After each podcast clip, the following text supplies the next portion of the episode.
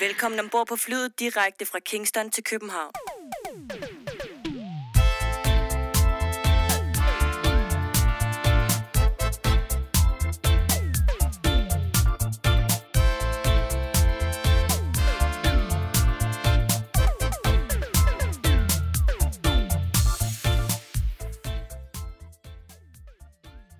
Du har tunet dig ind på podcasten Fra Kingston til København. Historien om reggae i Danmark. Podcasten, der går bag de personer, der er eller har været en del af dansk reggae-historie fra 1970'erne og frem til i dag. Vores mission er at give ord til mennesker, som har gode historier at fortælle, og på den måde give et bredt historisk billede af reggaeens udvikling i Danmark. I denne podcast taler vi med musikere, producer, DJ's, selectors og journalister, som har været eller er en del af dansk reggae-historie. Vi er Jørgen Husum og Lars Rofnik Larsen. Velkommen til.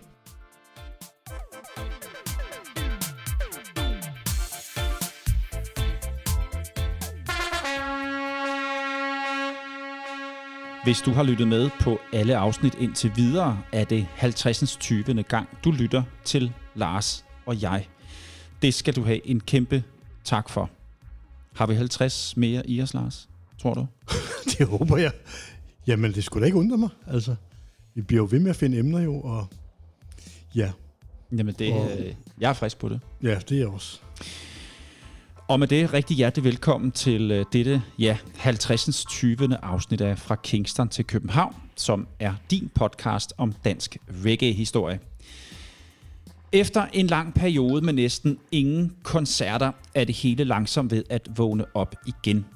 Den danske reggae-scene begynder så småt at give lyd fra sig, og her på redaktionen glæder vi os til at se den blomstre helt op igen. Her i køkkenet der sidder Lars Rofnik Larsen og jeg som vanligt klar til at præsentere dagens gæst. Eller skal vi kalde det for en genganger, Lars, fordi han har været her før. Det er jo Christian, vores hushistoriker, som vi har med endnu en gang. ja. ja, ja. Men det er Så, han jo. Han jo ved at være, ja. Ja. Øh, ja. Han har været her et par gange før, og ja, vi ja. følte jo ikke rigtigt, at vi var færdige. Og det er egentlig også den følelse, jeg sidder med nu. Vi er ikke helt færdige med Christian. Nej, nej, vi har... Der er mere i ham. Der er mere. Der ja. er flere gode historier. Det er jo en fantastisk viden, han har, og en fantastisk hukommelse. Og ja. ja, det er bare spændende at høre ham fortælle. Øh, ja. Og lidt senere, så, øh, ja, så kan jeg altså høre vores interview med, øh, med Christian. Men allerførst, Lars, så vil jeg lige høre dig. Nu sidder vi her øh, søndag aften, og øh, senere i nat er det jo dansk tid. Der spiller man Super Bowl. Ja. I øh, US and A. Det gør man. Jeg glæder mig jo helt vildt. Super Bowl Sunday, det er jo noget, altså, det er årets højdepunkt, simpelthen. Mm. Det bliver så fedt. Og prøv lige at gentage, hvem der er i finalen. Det er LA Rams mod Cincinnati Bengals. Så jeg tog jo fejl i min forudsigelse. Jeg var jo sikker på, mm. at Kansas City Chiefs ville vinde over Cincinnati Bengals, og dermed komme i Super Bowl. Men Bengals overraskede mm. og slog uh, Chiefs på deres hjemmebane. Og det, Så, øh, det, er, det er en stor overraskelse, at, kæmpe overraskelse, at Bengals er i Super Bowl. Og det er noget med det her, altså hvert hold har deres styrke i enten defense eller offense. De, ja, to, ja. de, de to hold, der mødes nu, hvordan står de over for hinanden?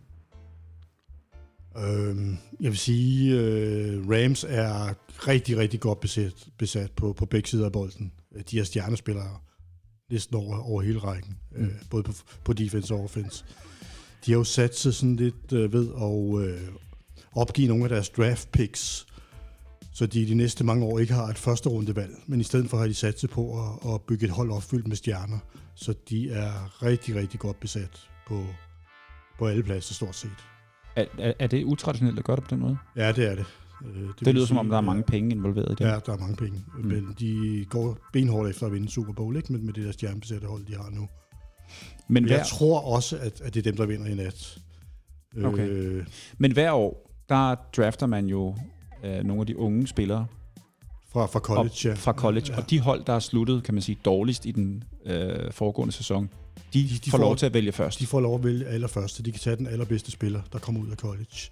Og øh, netop Cincinnati Bengals, så vidt jeg husker, endte de som det dårligste hold for to år siden. Og øh, de draftede en utrolig talentfuld quarterback, der hedder Joe Burrow, som nu er deres øh, franchise quarterback, som man kalder det for. Så det er ham, de satser på, skal være deres quarterback i mange, mange år. Okay. Og, som, og det, du kan se, hvor godt systemet virker. Som sagt, de var det dårligste hold for to år siden, og nu er de i Super Bowl. Mm. Og han har jo en, en, en, øh, en stor, øh, øh, en stor øh, faktor i det, er øh, netop Joe Burrow, som er en fremragende quarterback. Mm. Og det her med, et hold tilhører jo øh, en, en by, men så alligevel ikke, fordi holdet kan jo flytte fra by til by, alt efter, hvor ejeren køber dem hen. Ja, det er sådan lidt mærkeligt, fordi øh, Rams hørte jo tidligere til øh, St. St. Louis, St. Louis, Louis ja. Rams, Ja. og det har de gjort i mange, mange år. Så her for, jeg tror det er to år siden, flyttede de lige pludselig til L.A. Så de fans, og så der står de fans, i... der står der i St. Louis, de har bare ikke noget hold mere. De kan gå ned og se hver søndag. Eller hver anden søndag selvfølgelig. De spiller Ja. også udebane. Ja. ja. Så der er ikke noget hold Der er i... ikke noget hold i St. Louis, St. Louis nu. Nej, Okay. Ja, det er en underlig måde at gøre ja, det på. er det. det, er, Det vil svare til, at FC København flyttede til Næstved Ja, ja, ja, og var der. ja. Okay. Bare ærgerligt. Ja. Ikke noget ondt om Næstved. Nej, men det er bare ærgerligt for fansen, ikke? Altså, det er... Jo. Ja, det er, det er mærkeligt, men sådan er det. det er, Ja, ja, det, er jo det er jo sådan, systemet er. Ja, Jo. det er jo sådan, det er, ja. Ja, okay. Ja, ja. Så det skal du simpelthen sidde og se i nat. Det skal jeg sidde og se hele natten, ja. Sammen med Jakob? Sammen med Jakob, ja. Håber Okay. jeg. Jeg håber, Jakob går forbi i hvert fald. Så ja, det Og- glæder mig til.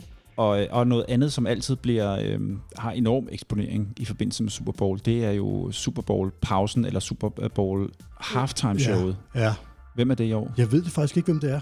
Så det glæder jeg mig også til at se. Okay. Ja. Jeg, jeg tror, at det er Butcher Banton. Nej, det tror jeg ikke. Nej, det kunne være fedt. det kunne være det, fedt. det er det. Men det, men, men det afslører man ikke på forhånd. Jo, det gør man. Jeg har bare ikke lige set, hvem det er, der, der, Okay. der, der spiller i år. Jeg hørte, de snakkede om det i... Øh, da der var øh, NFC-finaler og AFC-finaler. Jeg nåede bare ikke at høre øh, de navne, Mm. de, de nævnte der. Så, så jeg ved faktisk ikke, hvem det er. Okay. Så det får jeg se. Og der, og, og der er også noget med, at de reklamer, der bliver sendt i løbet af Super Bowl, det er jo nogle af de dyreste Det overhovedet. koster en formue bare for, for et enkelt minut. Ja. Øh, ja. Flere, ja, virkelig flere millioner dollars at få, få sendt sådan en reklame under en Super Bowl, tror jeg. Jeg så i øh, Ultranyt, det er inde på Danmarks Radio, der er sådan noget øh, nyheder for unge. Der var, der var noget om Super Bowl. Ja, Og der, øh, der var sådan en quiz om, hvor meget en reklame koster i Super Bowl. Og Ja. tre valgmuligheder. Ja, Jeg ja. mener, den kostede 30 millioner Jamen, det er jo fuldstændig vanvittigt. Ja, dollars. ja dollars selvfølgelig. Ja, ja. Det er helt Det er vildt. helt vildt, ja.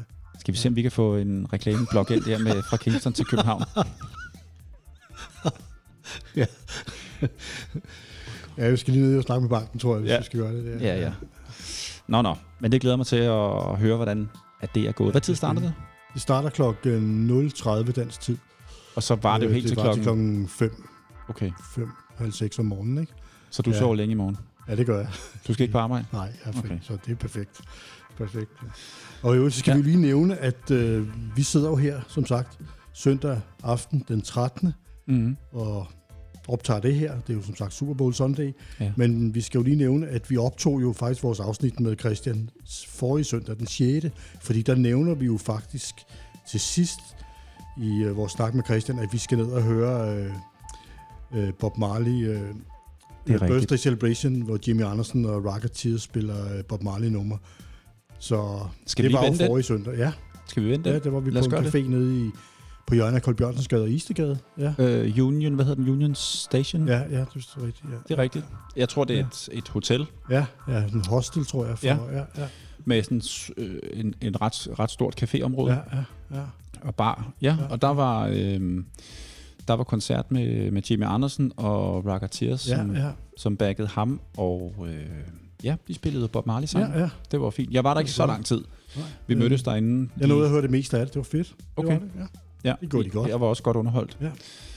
Så big up til dem, og klart. øh, fedt, at øh, de gør det. Helt klart. Øhm, det var i søndags, ja. Yes. Og så fandt vi også en vinder i øh, cykelcross VM, Lars. Ja, Det var jo også... det var, snakker vi også om to uger siden. Ja, to uger siden. Eller? Ja. ja, det er rigtigt. Og hvem blev det? Det, ja, men det, det blev kørt i, øh, i USA, i Arkansas, og øh, i Fayetteville. Og det blev øh, den britiske rytter Thomas Pitcock. Okay, Eller som nogen kalder ham, Thomas Cockpit. okay. ja, selvfølgelig. Han er en, øh, en ung rytter, han er t- 21 år, og kører på det engelske mandskab, der hedder Ineos Grenadiers, og er, øh, er cykelcrossrytter af opvækst, kan man sige. Og han er jo en del af den her britiske cykelskole, som, som har været øh, ret markant og dominerende de seneste mm, 10-15 år, vil jeg sige. Øh, som jo... Øh, Øh, de har vundet Tour de France jo. Øh, Jamen altså, det... de britiske siden, rytter, ikke? Jo, Øh, siden Chris Sky... Froome og, øh, hvad hed ham før Chris Froome? Også Øh, der vandt. Øh, han hedder... Øh, øh, åh, det er pinligt. Der er med... med Nå, ja. Ja, jeg kan ikke lige huske. jeg kan ikke huske, hvad han hedder, men, det var en brit. Geraint Thomas. Ja. Geraint Thomas. Jamen, der er der også en før dem, er der ikke det? Eller er det Jeremy Thomas? Det er ham sådan lidt... Øh, sådan lidt en, øh, hvad hedder sådan Oasis-type. Ja, eller Ja, ja Bakkenbarter og... ja, Ja, ja. Det er ham, ja. Yes, Okay. han vandt. Men hele, hele Team Sky er jo et resultat af den her britiske øh, cykeludvikling, der har været den britiske cykelskole, som jo startede med sådan øh, enorm eksponering på banecykling og gik over på landevejscykling. Startede Team Sky og Chris Froome og Geraint Thomas, som, øh, som altså vandt Tour de France nogle gange. Og de bliver altså ved med at øh, spytte talenter ud. Og nu er det altså ham her, Thomas Pitcock, som ung fyr, som både gør det i cykelcross, men også er begyndt på landevej nu som bliver en del af deres landevejskampagne, som man siger, skal køre nogle af de her Grand Tours, enten Giro d'Italia, eller Tour de France, eller Vueltaen. Er det ikke en øh, stor overraskelse, at han vandt VM? Var det, Det- ikke øh, Belgien, der var favoritter? Jo, Øh, det er et godt spørgsmål Og også. hollænderne også formentlig.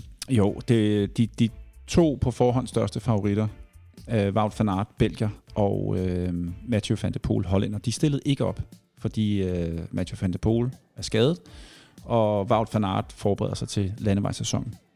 Så han valgte den simpelthen fra. Og sandsynligvis også fordi det ligger i USA, så der er jo en del mere tid, der skal bruges på det, og Øhm, og den tid valgte han altså at bruge på hans landevejsforberedelser med holdet på træningslejre og så videre. Men der er ikke nogen tvivl om, hvis de to var med, så... Altså at sige, han, at Thomas Pitcock ikke ville have vundet, det kan man jo ikke Nej, udtale sig om, men han vil, han vil højst sandsynligt ikke have vundet, Nej. hvis de to var med. Okay. Hvad Men- med, men- men- hvad med men de hollandske?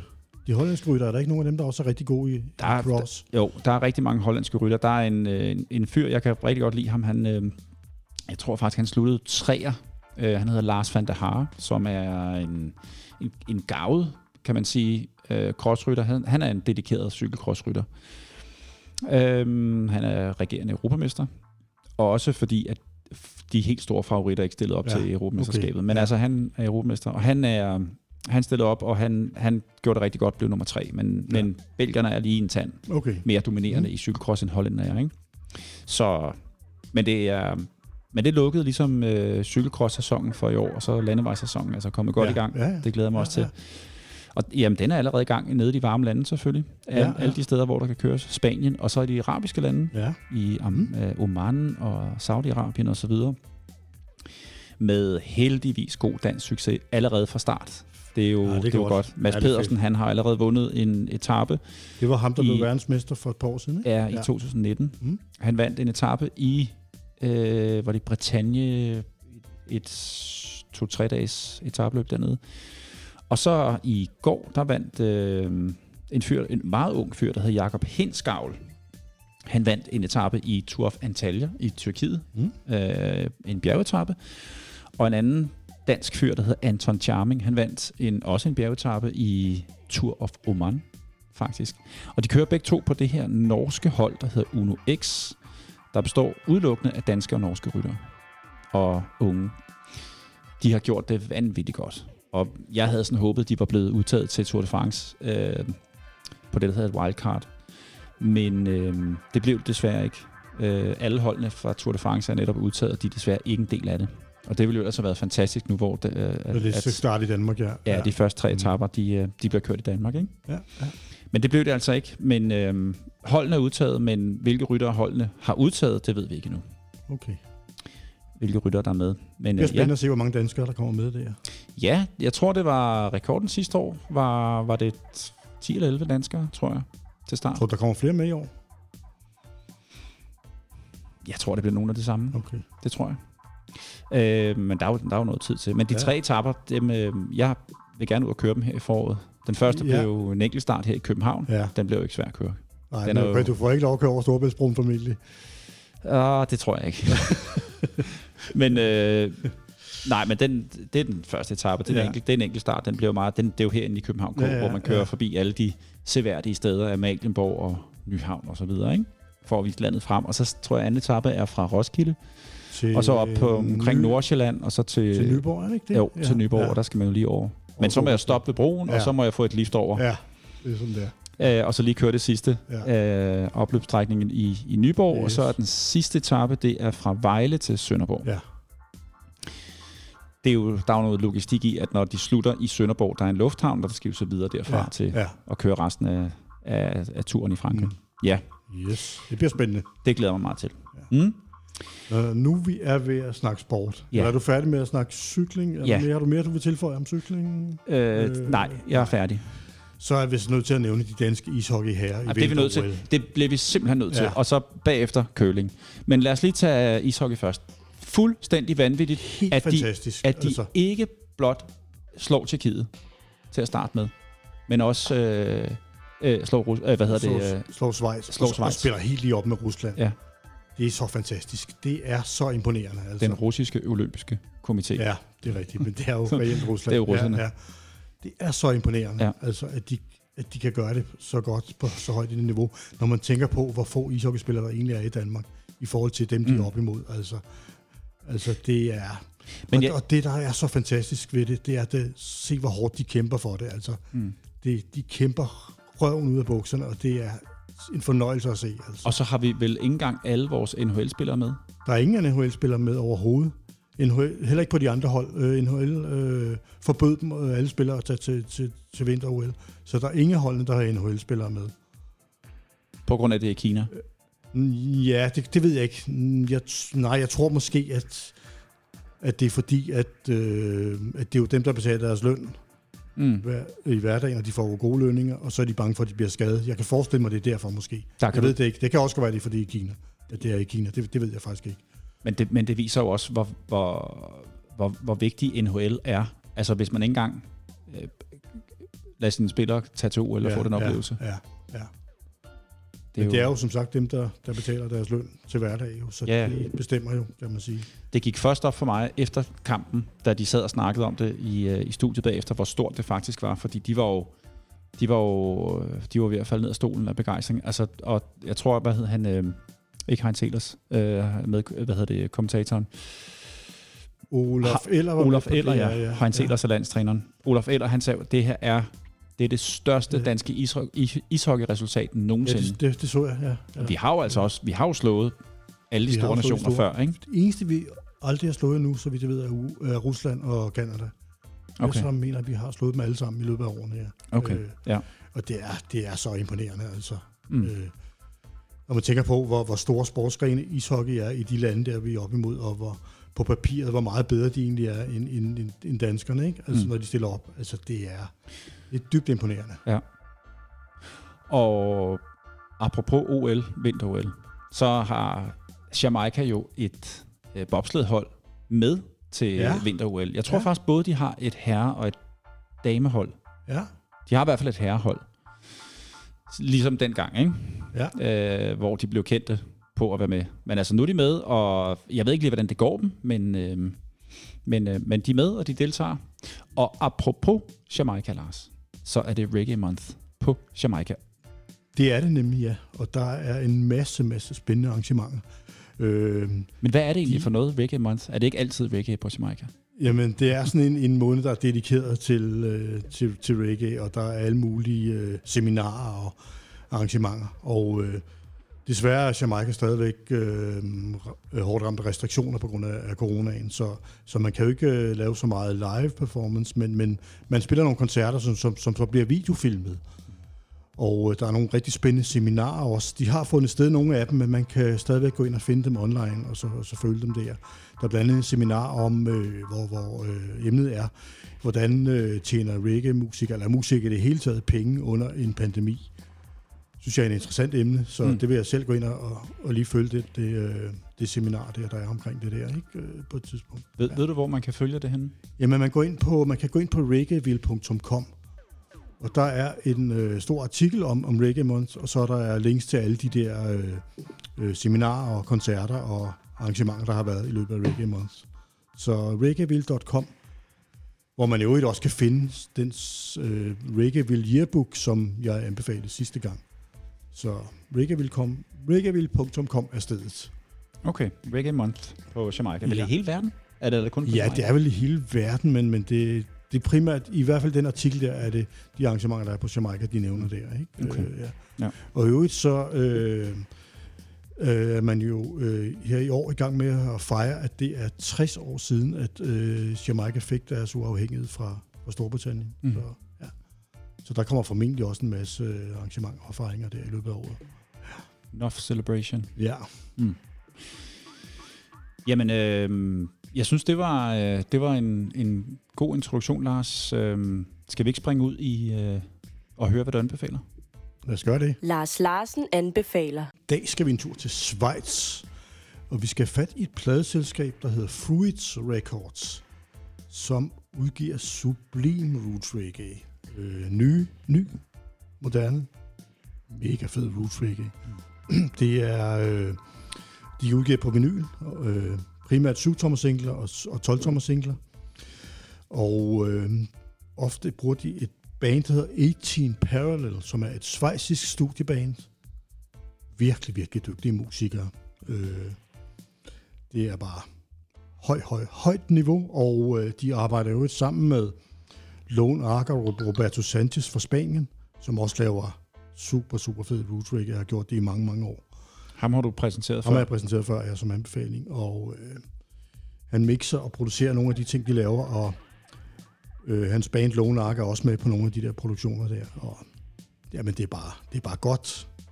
Og Guiding Star har indspillet med dem. Guiding Star Horns har lige indspillet en single med 18 Parallel, som hedder Meeting in a Wonderland, som lige er udkommet på, på Fruit Records, ja. Så, øh, og man kan finde dem ved at google fruitrecords.com, det gjorde jeg i dag, og så bliver man henvist til deres Bandcamp-side, og der kan man finde alle de her singler, der er også på enkelte LP'er, de har udgivet, og så kan man høre øh, øh, stykker af, af, af- de numre, som, som, som man så kan bestille, hvis man har lyst til det. Men det er super, super fed roots reggae. Ja.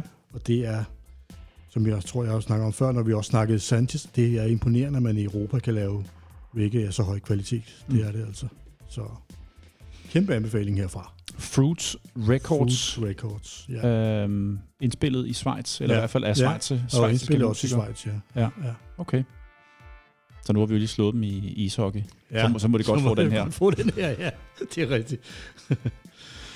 Jamen, det var godt. Tak for det, Lars. Øh, det var Lars Larsen anbefaler, og så går vi videre til Ugens overflyvning. i ugens overflyvning.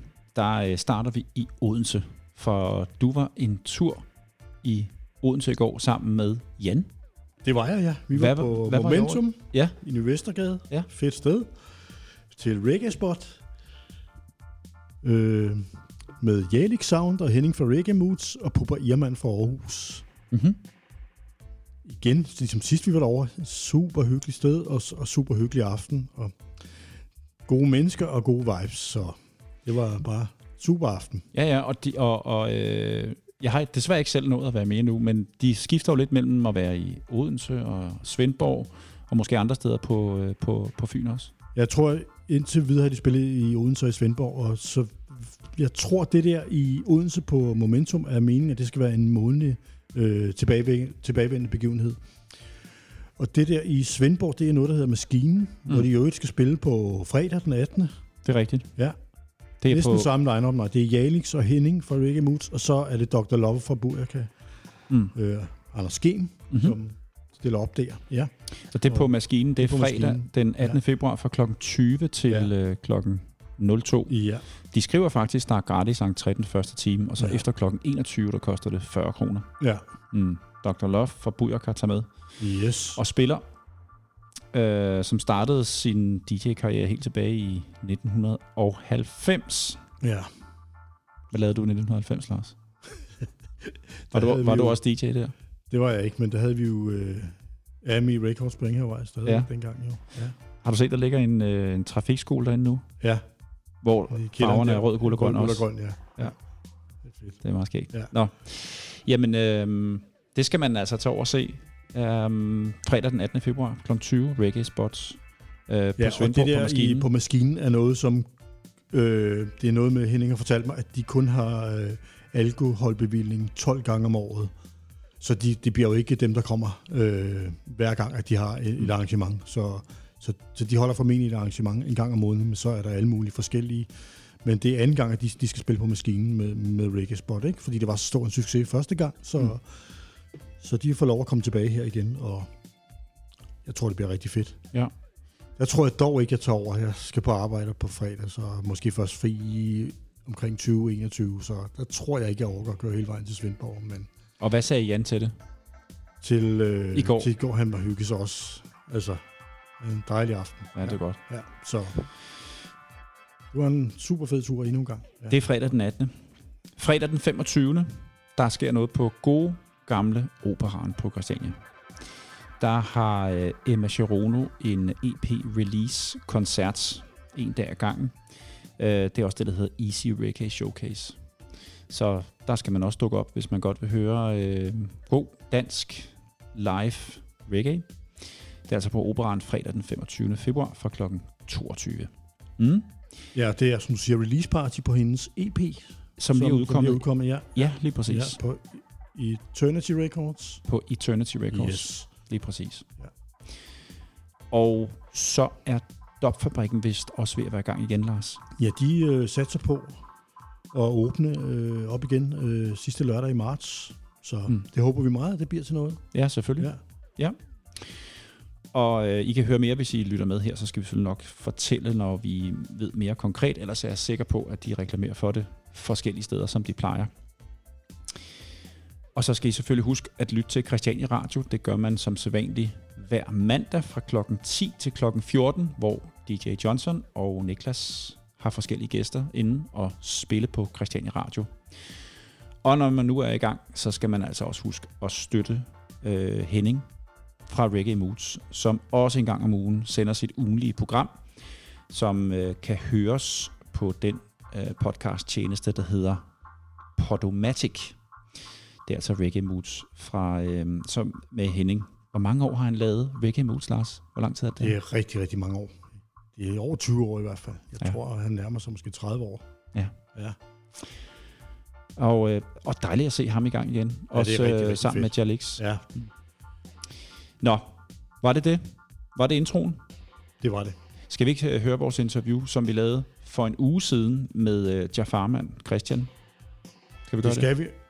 Så vil Lars og jeg øh, herfra øh, sige endnu en gang rigtig hjertelig velkommen og rigtig god fornøjelse med dagens afsnit. Da dagens gæst var på besøg sidste gang, der kom vi godt omkring en del af den historie, der ligger til grund for den reggae, som vi lytter til i dag. Og den snak, den fortsætter i dag med øh, vores gæst, Jafarman, som i dette vores 50. 20. afsnit et afsnit, der optages søndag den 6. februar, også kendt som Bob Marleys fødselsdag, Lars. Ja, Sikke en dag, vi har valgt at øh, holde vores 50. 20. Det, det var altså ikke øh, på nogen måde planlagt. og det er godt timet, må man sige. Det var det. Ja. Men øh, et stort tillykke til det. Og et stort velkommen, øh, Christian, igen til dig. Tak. Det er godt at have dig forbi her. Vi skal snakke historie igen i dag. Det skal vi. Det kunne vi jo øh, blive ved med. Det, øh, det stopper aldrig, fordi det er så spændende at høre dig fortælle om det. Hvis vi lige skal samle op fra, hvor vi slap sidst, så var du igennem ja, helt tilbage fra øh, den historiske del af både Jamaica, Karibien og så videre, og vi arbejdede os hele vejen op igennem ja, de første mennesker på, øh, på de karibiske øer. Vi var øh, forbi øh, slaveriet, vi var forbi noget politik, og vi endte i ja, 80'erne, omkring 80'erne, både musik, men i, det, øh, i den grad også omkring politik. Så der tænker jeg, at vi fortsætter i dag. Det lyder som en god plan. Og der tænker jeg lige for, øh, for en god ordens skyld, at øh, til alle vores lyttere derude, som måske ikke har hørt de, øh, de tidligere afsnit, så øh, tænker jeg lige, at vi laver sådan et helikopterview over den politiske situation i dag på Jamaica. Der er to politiske partier. Der er de konservative, og der er de venstreorienterede. ja, og som vi var inde på sidste gang, så er det jo sådan en sjov pointe i, at i dag er der jo nærmest, altså navnene passer jo dårligt sammen, fordi at øh, det, det venstreorienterede parti, det er People's National Party, mm-hmm. mens at det højorienteret parti er Jamaican Labour Party. Ja. Så, så uh, umiddelbart skulle man uh, forvente, at de var uh, den anden vej rundt, men uh, det er der jo, som vi var inde på sidste gang, nogle historiske forklaringer på ja. i forhold til den kolde krig og 70'erne og den uh, politiske uh, radikalisering, der sker i den periode. Og hvem sidder på magten i dag? Hvem sidder i regeringen? Jamen nu er det JLP, der, der har siddet på regeringsmagten siden, uh, siden 16. Mm. Så uh, der er der er sådan, øh, altså de, de øh, har jo efterhånden fået et noget mere stabilt politisk system, og der har jo også i de senere år været nogle store opgør med tidligere tiders meget bandebaserede mm. politiske system.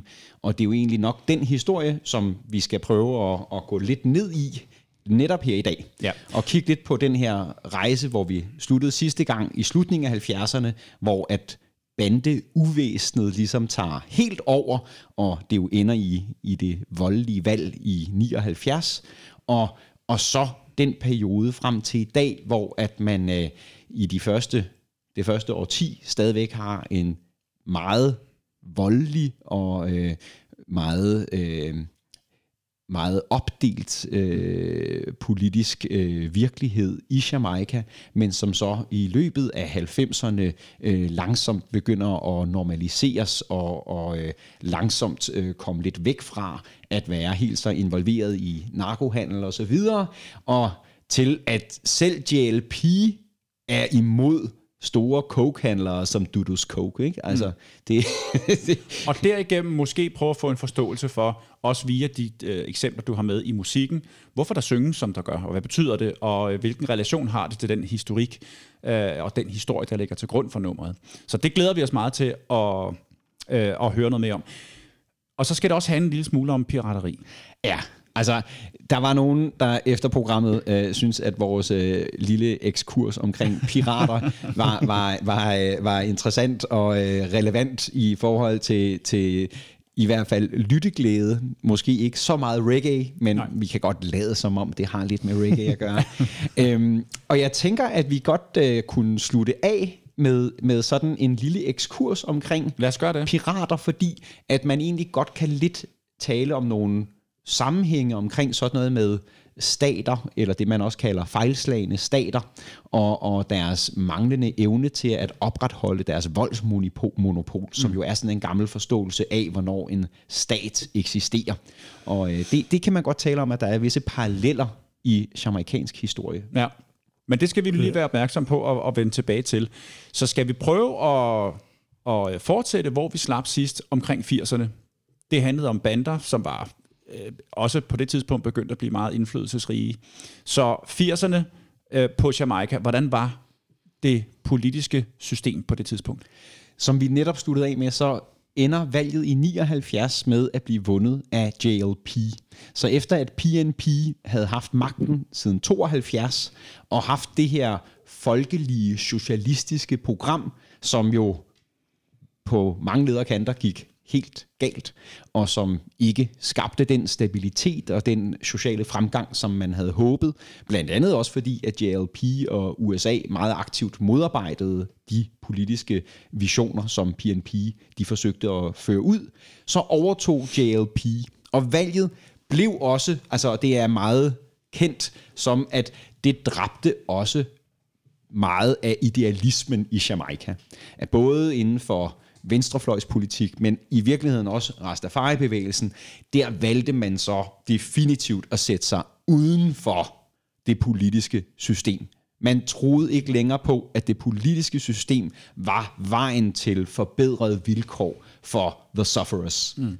Så der sker sådan en, en også en, på den måde en, en, en nedtoning af det politiske, og det er jo også her, at dancehall-musikken ligesom begynder at tage over, og som man jo meget tydeligt hører der, så gider man slet ikke at snakke politik. Det er bare noget med at danse og have det rart, og endda også tekster, der jo altså hylder slackness, som man kalder det, og hvor man netop overhovedet ikke længere forsøger at have et conscious budskab, eller have en retning på, hvad det er, man egentlig forsøger at udbrede gennem musikken. Bliver det for, bliver det for meget, altså kommer politikken til at fylde for meget i musikken?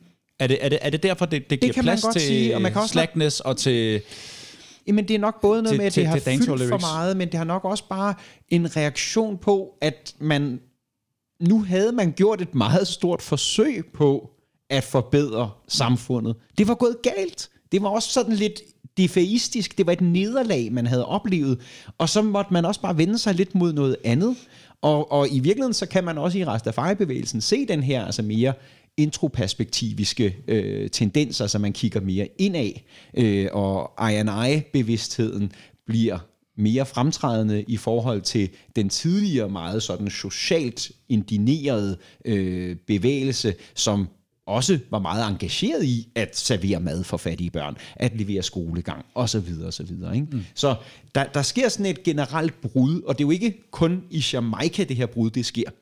Det er jo sådan en, en global tendens, altså 79 er jo også året, hvor, hvor Reagan og Thatcher vinder valgene, og det er ligesom det, der er rammesættende i global kontekst for udviklingen i 80'erne, og som nogle lyttere måske vil vide, så, så ligger der bag Thatcher og Reagan også en ny økonomisk politik. Og det er jo blandt andet en økonomisk politik på baggrund af noget af det, vi var inde på i sidste afsnit, nemlig oliekrisen i 70'erne, der jo er medvirkende til, at de økonomiske forhold, de bliver meget vanskelige for udviklingslandene.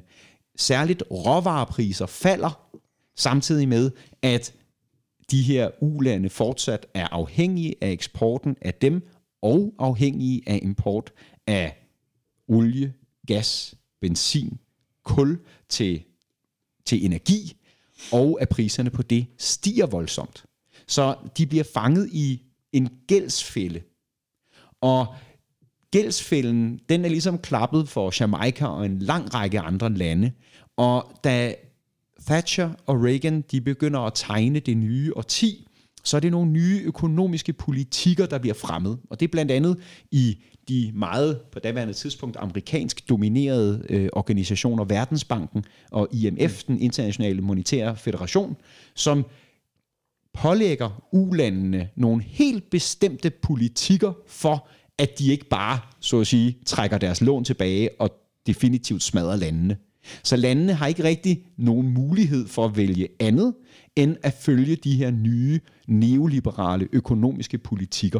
Og det er jo blandt andet øh, økonomen Milton Friedman, som nogen nok er stødt på i forskellige sammenhænge, som, som jo står for de her øh, nye økonomiske idéer. Og hvis man læser aviserne lige nu, så er det jo også rigtig meget det her økonomiske paradigme, som man taler om, er ved at dø og definitivt blive forladt. Det er jo blandt andet noget med de sidste par års øh, globalisering, eller rettere, øh, at globaliseringen ligesom langsomt går den modsatte vej, at der sker en øget regionalisering igen. Det har også noget at gøre med finanskriserne, som øh, den her neoliberale politik helt definitivt er en central del af øh, finder sted. Så, så det er sådan ligesom øh, den æra frem til i dag, vi faktisk kan betegne øh, under den her mm. særlige neoliberale politik. Øhm, er, har de magten hele vejen op gennem 80'erne, JLP, Indtil 89. indtil 89? Ja, så når øh, Manley er kommet tilbage i nogle få år, han, han øh, bliver syg og øh, bliver så afløst øh, af, af et andet partimedlem. Øh, og hvilke konsekvenser har den førte økonomiske politik i de år der? Jamen, Øh, det, det som der sker, de her strukturtilpasningsprogrammer, som man kalder det, de handler om, at man går ind og dikterer, hvor store udgifter staterne må have. Og eftersom at den jamaikanske stat jo under PNP fra 72 til 79 havde udvidet statens aktiviteter betydeligt gennem det, vi var inde på sidste gang, skoler, altså hele uddannelsessektoren, der bliver fremmet, hele sundhedssektoren, der bliver fremmet, øh, infrastruktur og andre sådan nogle offentlige projekter, dem stopper man med. Man bliver tvunget til at skære ned det vil sige, skolerne får færre penge, sundhedssystemet får færre penge, og man fjerner også nogle af de subsidier, altså understøttelse, som man havde haft tidligere. Og det medfører jo selvfølgelig, altså for det første, folk bliver fattigere. Altså, ja, den, og nogle få bliver meget rige formentlig. Ja, ja. Ikke? ja. Altså i første omgang, så, så er det sådan en, en meget hård konsekvens, hvor at dem, der var begyndt at kravle op i middelklassen, at de ligesom kan se, at hvis de skal fastholde en position der, så bliver de nødt til at sende deres børn på private skoler, fordi de offentlige skoler ikke længere er, er til at have mere at gøre. Men det, det, det, det medfører selvfølgelig en, en forøget fattigdom, når en masse udgifter igen føres tilbage til den enkelte borger, og det ikke længere er staten, der betaler for dem. Så, så øh, når man altså har de der, fordi nu talte vi jo om dancehall lyrics, jeg tænker, at der især øh, blandt vores lyttere også er en del, der også har hørt meget andet.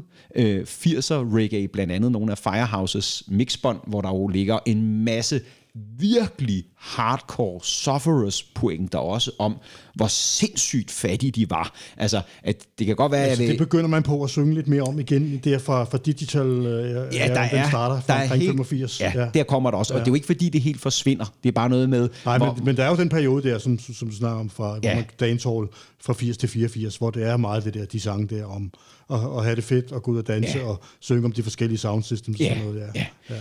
Og så, så, altså, men det er bare for at sige, der er jo hele tiden en conscious vibe, der også øh, ligesom ligger i nogle bestemte sanger og bestemte studier og så videre, hvor man fastholder det her fokus. Mm. Men, men det er altså ligesom, bare for sådan, det, det er her, der opstår en, en fattigdom, som, som er helt ubeskrivelig, og som, når man ser nogle af optagelserne fra Jamaica i 80'erne, det kan man altså finde en del af på YouTube, det, det er en fattigdom, der er helt uforståelig ud fra et nutidigt øh, standpunkt, og det er heldigvis ikke sådan, det heller længere er de fleste steder.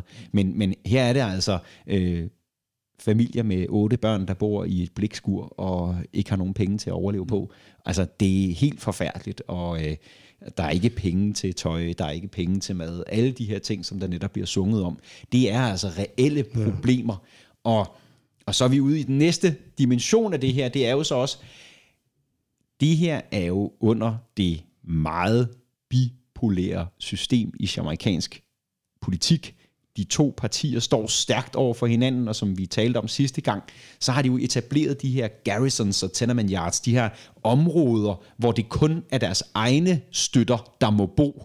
Og det medfører jo, at kvartererne, særligt i Kingston, de ligesom bliver delt op i territorier tilhørende de forskellige politiske partier.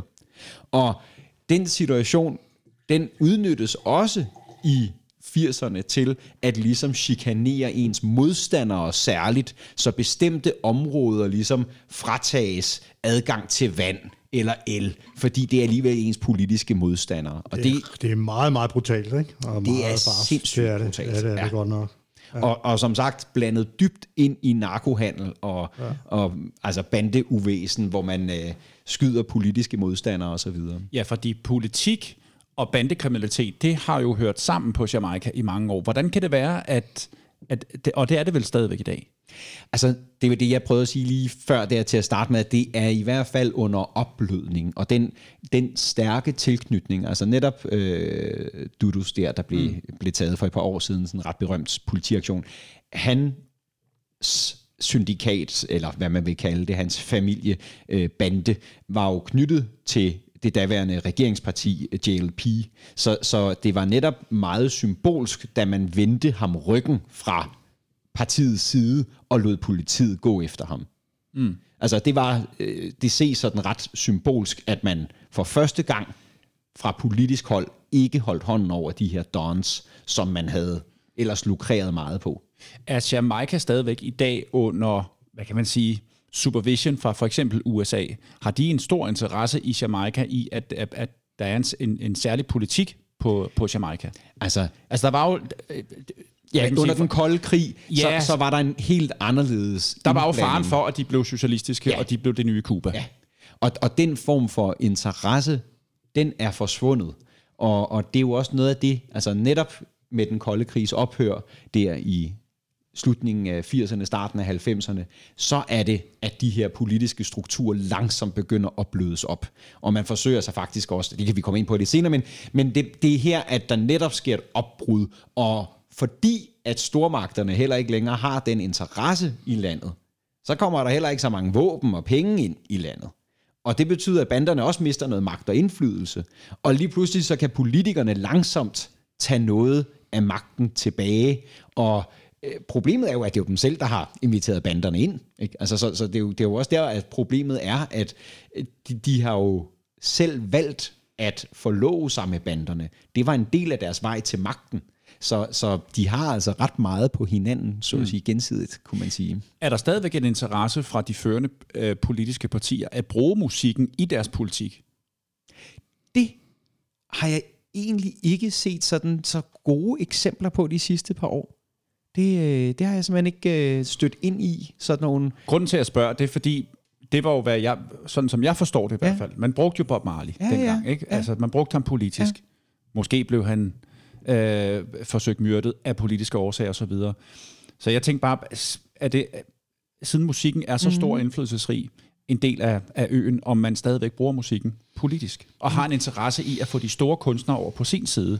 Ja, det er sjovt, Lars. Jeg ved ikke, om du, du kender nogen sådan nye gode eksempler, fordi jeg, jeg, jo, Ikke jeg spotter, der, umiddelbart. jeg spotter der en gang imellem, at der lige name droppes en politiker eller en af de der rige mænd. Øhm, det er jo stadigvæk nogle af de samme, det skal vi vende tilbage til lidt senere, det er jo nogle af de samme øh, sangere, der, der så at sige har stået for de sidste 25 års mere conscious øh, tekster, hvor at, at der netop også er politiske holdninger og så videre blandet ind. Men jeg kan ikke, øh, altså de nye stjerner, øh, Chronix og Coffee og alt sådan nogle der, har jeg ikke set værende knyttet specifikt til, til nogle af partierne, eller på samme måde medvirke til det, men, men jeg skal ikke øh, kunne udelukke, at de har været med til rallies og alt sådan noget, og, Nej. og har lavet sig bruge. Men, men øh, det, det er jo i hvert fald ikke overhovedet i nærheden af, af den meget direkte kobling, som der var mm. i 70'erne med Rasta Bandwagon og så videre. Altså det er slet ikke den form for, for sammenvævning mellem musik og politik. Nej. Og det er faktisk måske også noget af det, man kan se i, altså jeg har et nummer med, som vi skal høre lidt senere, hvor vi måske kan komme lidt dybere ind i den snak, fordi at, at det, det er måske også efter erfaringerne fra 70'erne sådan, at musikerne i højere grad stiller sig uden for det politiske og kritiserer det, men ikke selv blander sig ind i det. Okay, de holder sig simpelthen uden for de politiske partier, der I er. hvert fald, hvis vi ser på sådan den, den, den New Roots, øh, som, som ligesom er den første Ja. øh, genetablering af det reelt politiske, ideologiske musik på Jamaica. Må jeg lige spørge om en anden ting? Havde du noget, Lars? Nå, men jeg, jeg, jeg tænkte lidt på det, der du kom lidt ind på, at der sker en opblødning af topartssystemet. Så vidt jeg ved, er det sådan kort efter den kolde krigs ophør. Ja, der var også en, Ja. der forsøger at lave et tredje parti og Ja. sådan nogle ting. Det er ikke så langvarigt, men... Øh, Men øh, eksisterer der stadigvæk øh, flere partier på Jamaica? Der eksisterer flere, men, men det er jo som det engelske system med first past the post, at, at det, det er flertalsvalg i enkeltmandskredse, så det er meget svært for partier at komme ind. Der er der vist nok noget med, at var der ikke en, en fra et tredje parti, der har været ved magten i nogle år? Jo, ja. det, det var der nemlig på... Altså, da rigtigt, hvornår det. var det, ja? Men det, der er også noget med, at, at han skiftede parti til JLP igen. Det var okay. en udbryder, som så kom tilbage i folden på et tidspunkt. Ja, ja. Men der har været sådan Ja, nogle det synes jeg, der har været et mindre opbrud og, og ja. Ja. tendenser i den retning. Og så har man jo også, altså man har jo haft en kvindelig premierminister, hvilket også er værd at Ja. bemærke, også i forhold til, at det har været en meget patriarkalsk kultur. Ja. Øh, så, så der er sådan nogle, der er nogle opbrud ja. i det, sådan ja. spanser, ikke? Så, så der ja. er sådan nogle, nogle forsøg på at, at ændre lidt i den der kultur. Men altså, der er jo også hele den, den øh, altså begyndende omfavnelse af Rastafari og legaliseringen af cannabis og alle sådan nogle ting, som jo også er vigtige at, at have med i, i sådan en forståelse af, at det, det er en form for endelig omfavnelse og tilgivelse af Rastafari, og en, måske også en erkendelse af, at de har altså en stor betydning som, som markører for Jamaica, og man ikke, øh, selvom at man selv er en devout Christian, så, så kan man altså ikke komme udenom, at andre mennesker, de forbinder Jamaica meget med det her Rastafari. Ja, ja, selvfølgelig. selvfølgelig. Altså musikken har jo uden tvivl stadigvæk kæmpe, kæmpe betydning. Jeg ved ikke, om, om Jamaica stadigvæk er det land, som udgiver mest musik. Det har- jeg hørt. Det har det været i, op igennem, jeg tror det var 80'erne eller ja. eller andet, ikke? Altså, de udgav mest musik per indbygger, eller hvordan regnestykket nu var. og der kommer jo stadigvæk usandsynligt meget musik fra Jamaica. Ja. En del af det er politisk orienteret, noget andet er øh, kærlighed, eller bling bling, eller hvad det nu kan være. Men det er jo stadigvæk en kæmpe industri, musikken på Jamaica går ud fra. Og derfor selvfølgelig også en del af det politiske system, mm. naturligvis, fordi det har jo noget med deres økonomi at gøre, tænker ja, jeg. absolut. Skal vi ikke snart have et nummer? Jo. Skal vi gøre det? Lyst, fordi vi, vi, vi er ved at rykke helt op i 90'erne. Jeg har lyst til lige og det at gøre venter vi 80'erne med. færdige. Og jeg skulle lige til at spørge dig, lad os rykke op til 90'erne. Nej, vi skal lige blive lidt i 80'erne, fordi Godt. at, at til at lige illustrere noget om det her med, med, med den øh, de her struktur, Ja. structural adjustment programs, de her strukturtilpasningsprogrammer, som bliver implementeret. Så netop et af, af tiltagene, det er, at man i slutningen af 84 øh, fjerner den støtte, der havde været til brændstof. Og nu har jeg jo allerede nævnt det igen i dag, det her med, at brændstofpriserne er jo blevet meget høje i løbet af 70'erne og oliekrisen. Ja. Så da man fjerner den her støtte, så betyder det for fattige jamaikanere, at de altså ikke har råd til benzin. Og når de ikke har råd til benzin, jamen så kan de ikke køre hen på deres arbejde.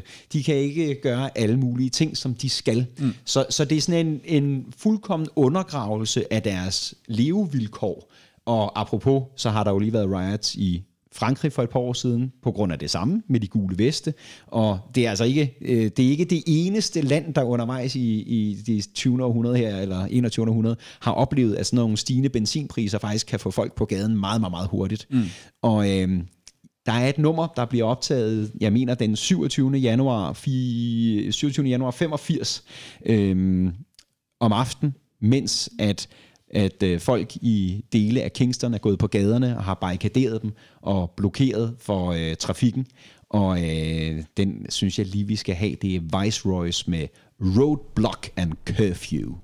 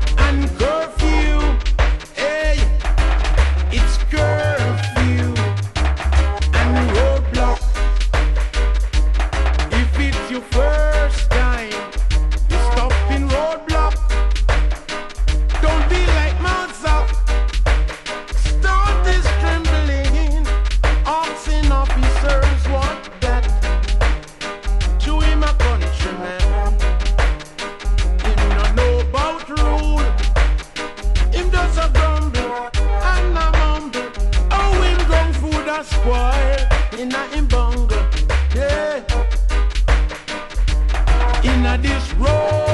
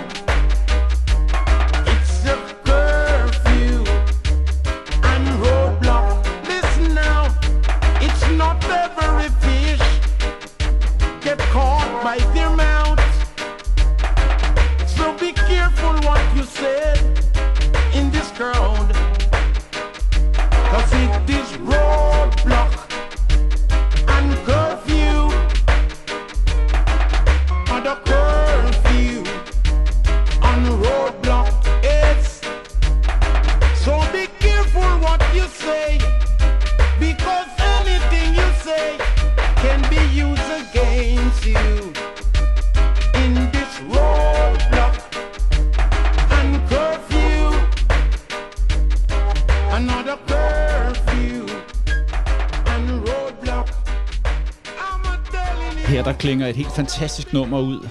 Det var Viceroys med Roadblock og Curfew. Et nummer, som de simpelthen gik i studiet og indspillede, mens gaderne brændte. Og der var riots i gaderne, og øh, Christian, mens Og vi så, hørte altså, samtidig så indskriver det sig i sådan en sjov tradition for, for netop sådan nogle curfew-numre, mm. fordi at, øh, der har jo været mange, som vi var inde på sidste gang, også sådan nogle store øh, nedlukninger af samfundet Ja. ja. øh, i forbindelse med bandekrigene, og blandt andet også i forbindelse med valget i 79-80, hvor at Linwell Thompsons berømte curfew, mm. Den blev lavet. Men, men det er sådan lidt, lidt vildt, at altså, Jamaica har simpelthen en, en historik med udgangsforbud, som, som, som folk i Danmark måske lige pludselig kan relatere lidt til oven på corona, men som altså... så bliver der lavet en masse musik Ja, så, i de tider, ikke? ligesom der blev lavet børn under øh, ja, coronanedlukning. corona. ikke? Det her, det her nummer, det, øh, det siger du, det er fra 84. Ja, det er 85. Eller 85, ja. men udkommer faktisk først 10 år efter. Ja. Øh, i, I 95. Det er produceret af Lego Douglas, og altså, da jeg hørte det, der tænkte jeg, det her, det er Rumors, som så godt nok først kommer lidt senere, ikke? Men Augustus Scott Clark, som ja. Ja. producerede Rumors-rytmen, må simpelthen have lyttet på det her nummer, tænker jeg. Absolut. Ja, men jeg tænker også, den har, den har jo nok ikke været, den har jo nok været spredt blandt nogle lydsystemer, Det tænker jeg i hvert fald. før at den så endelig blev, Ja. ja. blev trykt 10 og, så, år efter. og så talte du om det her, det var sådan semi-digi. Ja, Uh, ja, det er meget fed instrumentation. Ja, ikke? det er det en nemlig. blanding af Ja. digital og, og, og mere traditionel trommemaskine og synt og det ja. hele, ja. Men det er et super fedt nummer. Men, ja. men viser altså simpelthen, at uh, Viceroys uh, trio vokalgruppen her, de gik i studiet, Ja. og gaderne de brændte. Ja. Et godt eksempel på, hvordan, uh, hvordan tiden var på det tidspunkt. Ja, Ja. og den der direkte kobling mellem samfundsbegivenheder og, og musik, som, som, som er så særlig for, for Jamaica. Ikke? Ja.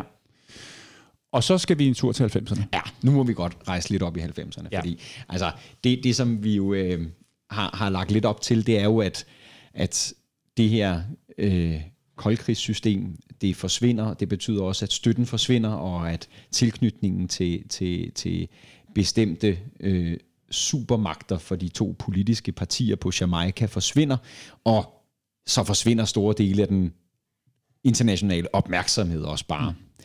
Samtidig så begynder økonomien der i 90'erne at gå noget bedre. Man nedtoner faktisk også nogle af de her øh, Verdensbank og IMF tiltag og, og tillader altså også, at man igen i et eller andet omfang får reetableret og genetableret skolesystem og sundhedssystem osv. Og den rejse er jo så også sådan der, at, at det politiske system i en eller anden grad begynder at blive normaliseret. Og det ser man altså, når vi nu, nu har vi godt nok lige haft et musikalsk indslag, så, så jeg godt ved, at vi skal trække det næste en lille smule, men, men det er jo noget af det, der bliver så spændende der i 90'erne, at, at der genopstår også den her mainstream politisk bevidste reggae-musik. Og, og det er jo her, vi har alle de der store up-and-coming sangere, der bryder igennem. Capleton, Sizzla Kalonji, Anthony B., Luciano. Luciano, alle Garnet de der Silk. folk. Ikke? Ja, men præcis. Altså Garnet har jo faktisk været, været aktiv øh, rimelig god tid, og har jo altid været conscious Ja, i sine ja, tekster. ja, ja, altså, ja, det er jo, ja. Han er jo en af dem, der holder den kørende, også rigtigt. i løbet af 80'erne. Ja, øhm, ja. Så, så, men her bryder de, den her nye roots-musik, som jo også betegnes New Roots, øh, og som i Danmark i hvert fald i, i høj grad har, har været den her øh, New Roots-musik, som blandt andet også Robert Up Crew i høj grad promoverede øh, og, og stod for, og som Ja. ja. de præsenterede mange mennesker for der i, i slut 90, start 0, hvor, at, øh, hvor det virkelig kørte. Ikke? Ja, i særligt, i starten af deres shows, der Ja. ja. spillede de meget New Roots, ikke? Ja. ja. Så fik man en, en god stribe af, af, Ja. ja. af alle de der kunstnere på, på, på de nyeste rhythms og så videre. Ikke? Øh, det er jo sådan en one-drop øh, Præcis. øh, tilbage til, til, til det klassiske one-drop, og, og så netop også igen... Conscious lyrics oftest. Conscious lyrics, og så det her med igen også sådan en blanding af, af, af altså semi-digitale numre, mange af dem, mm. ikke? At, at der er sådan en blanding af, af, af lidt trommemaskiner, men øh, man begynder også lige pludselig at have rigtige trommeslager på igen. Ja. Og det er jo også noget af det sådan lidt nye og bingy øh, trommeoptagelser, og alt sådan noget bliver sådan en mainstream ting mm. igen. Og det er jo labels som blandt andet Exterminator og, og Det var Fatis Burrell, der stod bag det Ja. ja. label, ikke? Ja. Jeg har faktisk lige bestilt en uh, compilation, Ja. som lige er udkommet. Med, Ja, ja, det er så øh, godt set, ja. ja. Den er vir- virkelig fed. Ja. Med, med, med, med sange fra den periode der, ja. ja. det er ja. ja. fantastisk... Ja. Ja. Også en fantastisk produktiv periode ja, Ja, ikke, for de her ja. ja. labels. Og det, det er her, der ligesom begynder at være en, en, en ny bølge af, af conscious uh, lyrics, som, mm. som, uh, som vi altså om meget kort tid bliver nødt til at hoppe ind i, fordi at det, det er nu, det passer ind. Er, Jama- er, er, lad mig lige spørge først. Er Jamaica, her, er, er- er Jamaica roligere i 90'erne end i 80'erne? Altså, det er jo, det er, jo øh, det, det, det er svært for mig at, at, at, at udtale mig om, fordi det ikke, øh, det kommer jo igen meget an på, hvad det er, du så lægger vægten på, men jo, der er en, altså, de helt store gang wars, de begynder at, at klinge noget ud. Man kan jo læse en del om det, også hvordan det flytter til, til USA, altså banderne Rikers og så videre, de, de, jo, de jo flytter deres base også til, til USA, og der er jo sådan på en eller anden måde en tendens til, at, at det, det bliver noget roligere, men det er jo slet ikke fordi, at der ikke stadigvæk er kæmpestore sociale problemer og så videre. Og hvis man vil unde sig selv en rigtig rigtig god fortælling om det her, og, og som netop slutter det omkring øh, 2000, så, så er der en film, der hedder Life and Debt, som, som øh, i høj grad handler om Jamaicas historie i, i 80 til, til 2000, og hvor man netop belyser øh, den her, øh, altså den her udnyttelse, der sker af landet, og den her udplyndring, der sker som følge af blandt andet de her structural adjustment programs, hvor man altså fjerner de fattigstes mulighed for adgang til samfundet, men også at man begynder at, som en del af den her begyndende globaliseringsbølge, at oprette sådan nogle såkaldte export processing zones. Og de her export processing zones er undtaget fra jamaikansk lovgivning i forhold til arbejdsrettigheder, arbejdsmiljø osv. Så amerikanske firmaer bliver altså opfordret til at etablere fabrikker, hvor at de kan betale betydeligt lavere lønninger i USA, og dermed får incitament til det, men hvor de altså på ingen måde øh, tvinges til at overholde sådan basale rettigheder for de jamaikanske arbejdere, mm. som udnyttes på det groveste, og man begynder også at se den her tendens i retning af, at, at få så lavt betalte jobs, at du har brug for mere end et bare for at overleve. Og det er jo det, som man taler meget om i USA i dag, det her med working poor, som er, er nødt til at have mere end to jobs for overhovedet at, at kunne det opretholde. hænge sammen, ja. Og det er sådan noget, der, der altså også rammer Jamaica reelt, og, og hvor der er altså øh, mange mennesker, der mm. ender i den fælde, det er, fordi du er jo både afhængig af at få de penge, men samtidig er de penge bare aldrig nok til at komme nogen vegne, Nej. eller skabe en, en, en fremgang. Øhm, foregår det op igennem 90'erne, det her? Ja, Og det- der er det øh, PNP, der er ved magten der i starten af 90'erne, er det ikke det? Jo, men det, det, vagten går frem og tilbage der ja, med ofte om.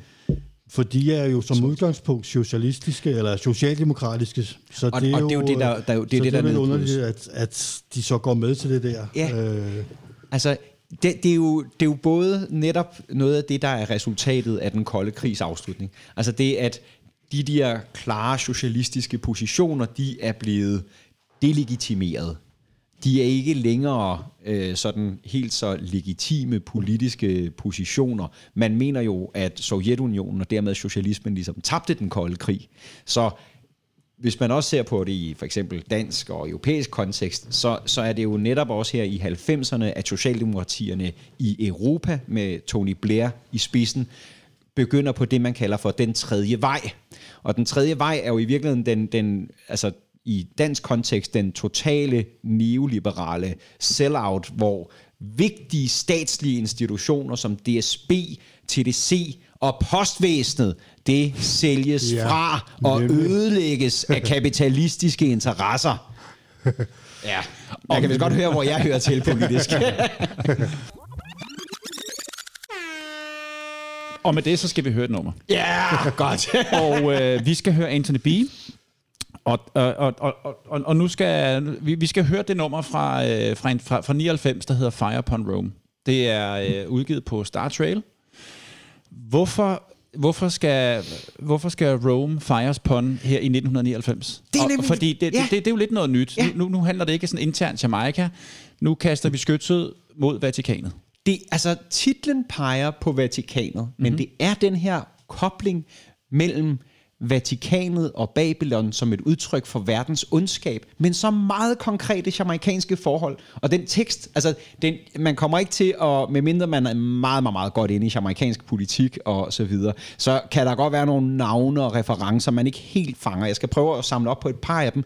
Men det er netop det, der er så skægt med det her nummer, at han er helt nede og kritiserer navngivende politikere for, at men han solgte vist også den byggegrund for billigt. Altså, det er sådan et, et, et angreb på korruption og, og, og på det politiske system i Jamaica, og deres kammerateri, og deres fastholdelse af the sufferers i elendighed og så videre. Så, så det er faktisk øh, lige præcis den der kobling mellem Rome som symbolsk begreb for ondskaben i verden, og så de konkrete jamaikanske samfundsforhold. Så her der har vi et mix af både religion og samfundsforhold på Jamaica. Absolut. 1999, Anthony B. produceret af Richard Bell for Star Trail.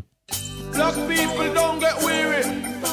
Them say coffee shackles and chain and say them free with. But we still on a mental slavery. Wanna sing with the star trail posse, my lord.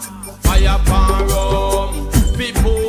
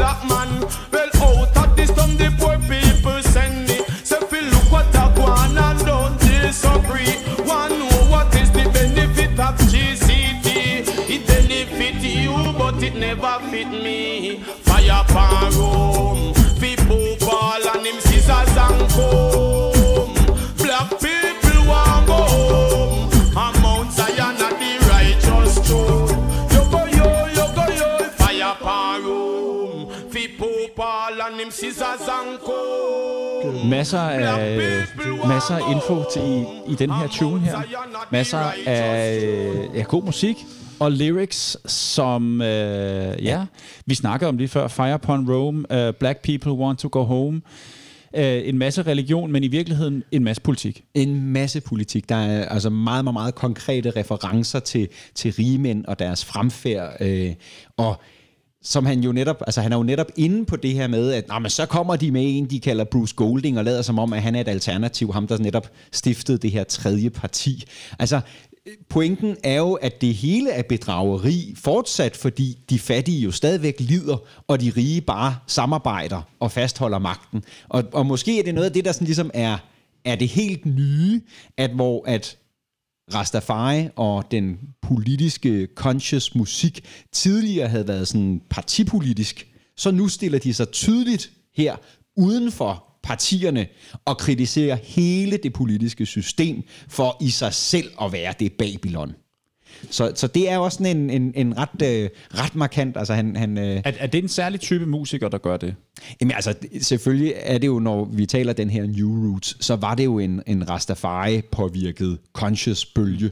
Øh, altså, hvis vi nu bare lige vender tilbage til vores ven Sisle, så er han jo altså øh, i dag, øh, så vidt jeg forstår det, nærmest mere religiøst overhovedet end sanger. Altså, det er jo ja. en, en vigtig, vigtig del af, af, af den her kultur. Mm. Og øh, han er, så vidt jeg husker nu, blevet overhovedet for Bobo Ashanti øh, derude i Bulls Bay, som, altså, som religiøst overhoved. Og jeg har set nogle ceremonier med ham osv. Det er, altså, der er meget religiøs overbygning i, i dele af den her New Roots musik. Er den ikke, er, er den ikke vokset på Jamaica de seneste 10 år, den religiøse bevægelse? Særligt, øh, nu siger jeg Bobo, men de har jo i virkeligheden været der i lang tid, men de har bare haft, synes jeg i hvert fald igennem musikken, haft ekstremt meget eksponering de seneste 10 år. Det kunne man godt tale om. Altså, de, de, de, man må så også lige tage med, at det jo også særligt har været dem, der har været meget blandet ind i den her debat om homofobi.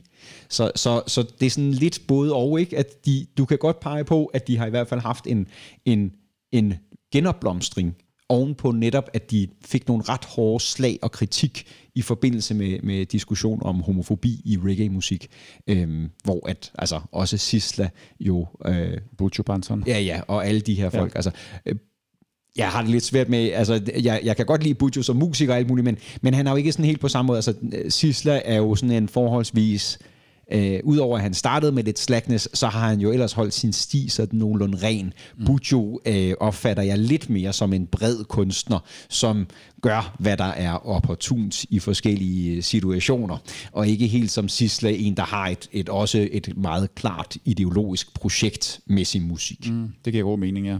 Men altså, det her er jo bare et utroligt klart udtryk for netop den her udvikling i 90'erne, hvor at man altså opbløder øh, den klassiske modsætning, man introducerer et tredje parti, og Anthony B. han kommer og siger, fire upon it. og det er sgu egentlig en meget, øh, meget god måde at, at, at, at sådan runde den jamaikanske historie lidt af på, fordi at... Øh, Men, det, men, men så alligevel ikke, fordi mm. det gør man jo ikke rigtigt på samme måde i dag. Gør man det?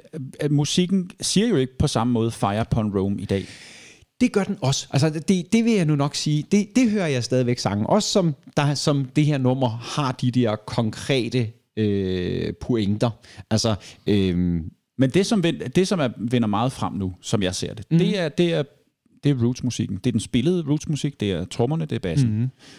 Det er de conscious lyrics, mm. men, men ikke nødvendigvis øh, pege fingre af hverken øh, politiske system eller homofobi eller noget af den stil.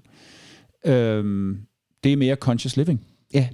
Jamen jeg det, det. det har du helt ret i, at, at den, den, det var også det, vi talte om før, ikke? at den direkte samfundsadressering, mm. den ser jeg heller ikke særlig meget, men der kommer der en gang imellem. Altså, jeg fandt da et, et jeg, jeg kan da huske at have stødt på et nummer med, med den nuværende premierminister Holness nævnt, ikke? Altså, at der var der der var der alligevel et eller andet med ham, og han havde gjort et eller andet. Ja.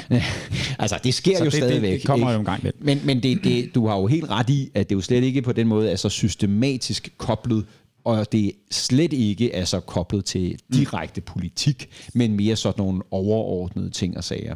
Og du, det, altså, det du er inde på, er jo også eksemplificeret i form af, at, at, at den øh, Kingston Dub Club, øh, den har jo også en, en, haft en ganske betydelig stigende succes de sidste 10 år. Det skal du lige forklare, hvad er. Jamen, øh, det er lidt uden for Kingston, eller sådan lidt op af, af bakkerne, at der har Gebre Selassie haft en, en dopklub kørende i mange år, og øh, de sidste par år, så har den altså øh, nået en vis form for international øh, berømmelse, også, også gennem, at mange af de kunstnere, som er store i Europa, har været over og spille der.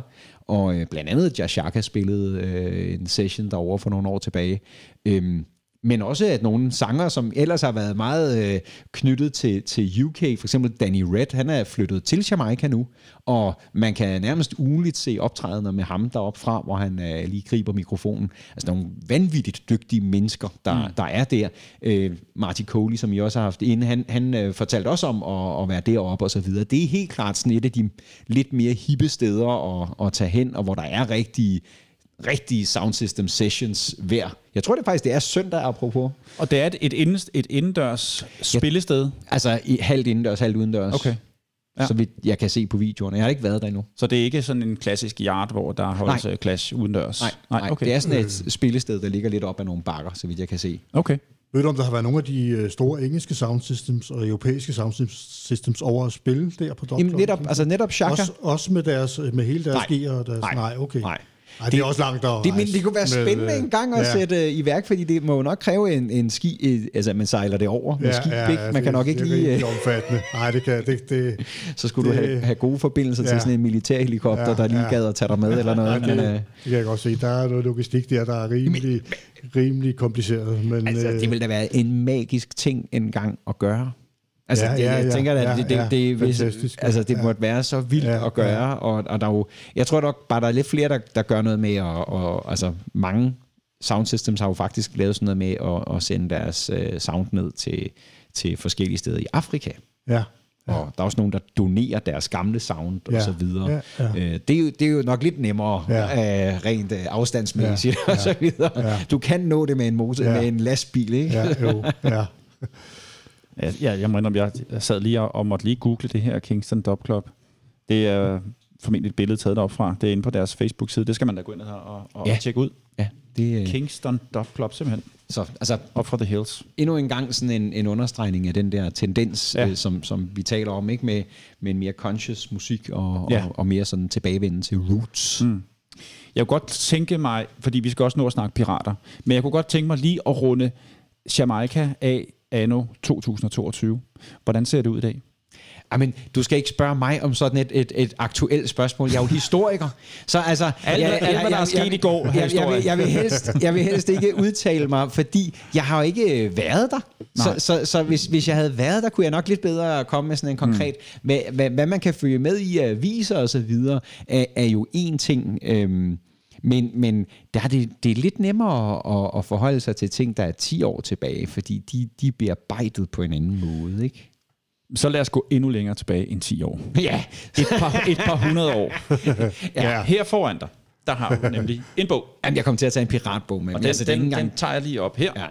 Og det er øh, en ret flot bog, den hedder Pirater, kampen om den nye verden fra 1500 til 1730. Og så er der jo et billede af en pirat, som vi alle sammen Forestiller tror, os forestiller den. os ser ud.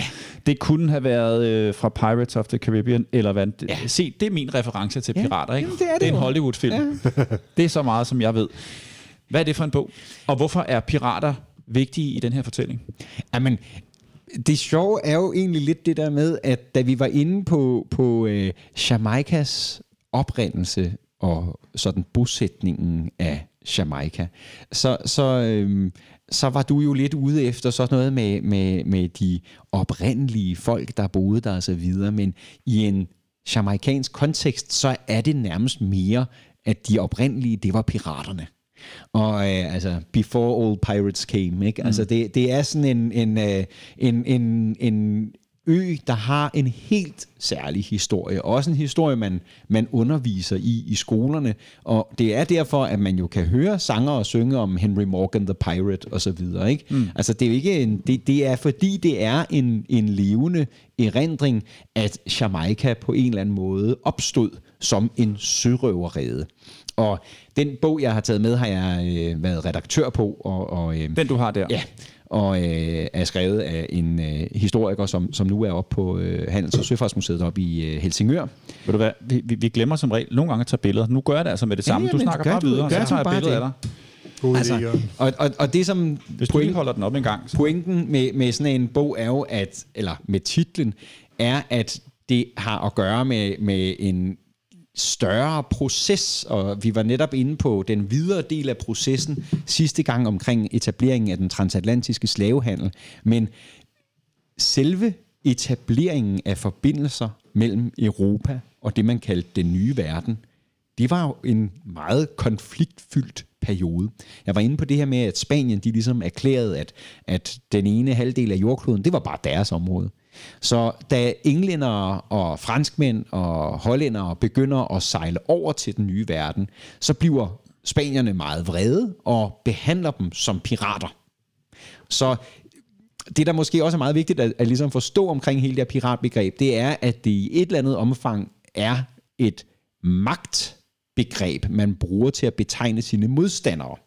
Og, og i virkeligheden, så kan man betegne de her som alt muligt andet. De vil selv se sig som fribyttere, altså folk, der bare øh, ikke anerkendte, at Spanien havde ene ret, men at de bare lige tog over og handlede lidt. Var der så tale om direkte statsfinansierede pirater? Det var der i den første periode, altså under Elisabeth den første i England. Så, så var der jo en fuldkommen statsligt orkestreret øh, piratkampagne med altså, som, som løb over en, en, en lang årrække, og som langsomt etablerede England over i, i øh, den nye verden. Det her med Sir Francis Drake og alle sådan nogle meget berømte pirater, som, som man også har, har hørt om i film og øh, ja. historier. Men der, hvor Jamaica rigtig kommer i spil, det er oppe i 1600-tallet. Og man, man vedtager ligesom en form for, for øh, ikke underskrevet aftale, som hedder No Peace Beyond the Line.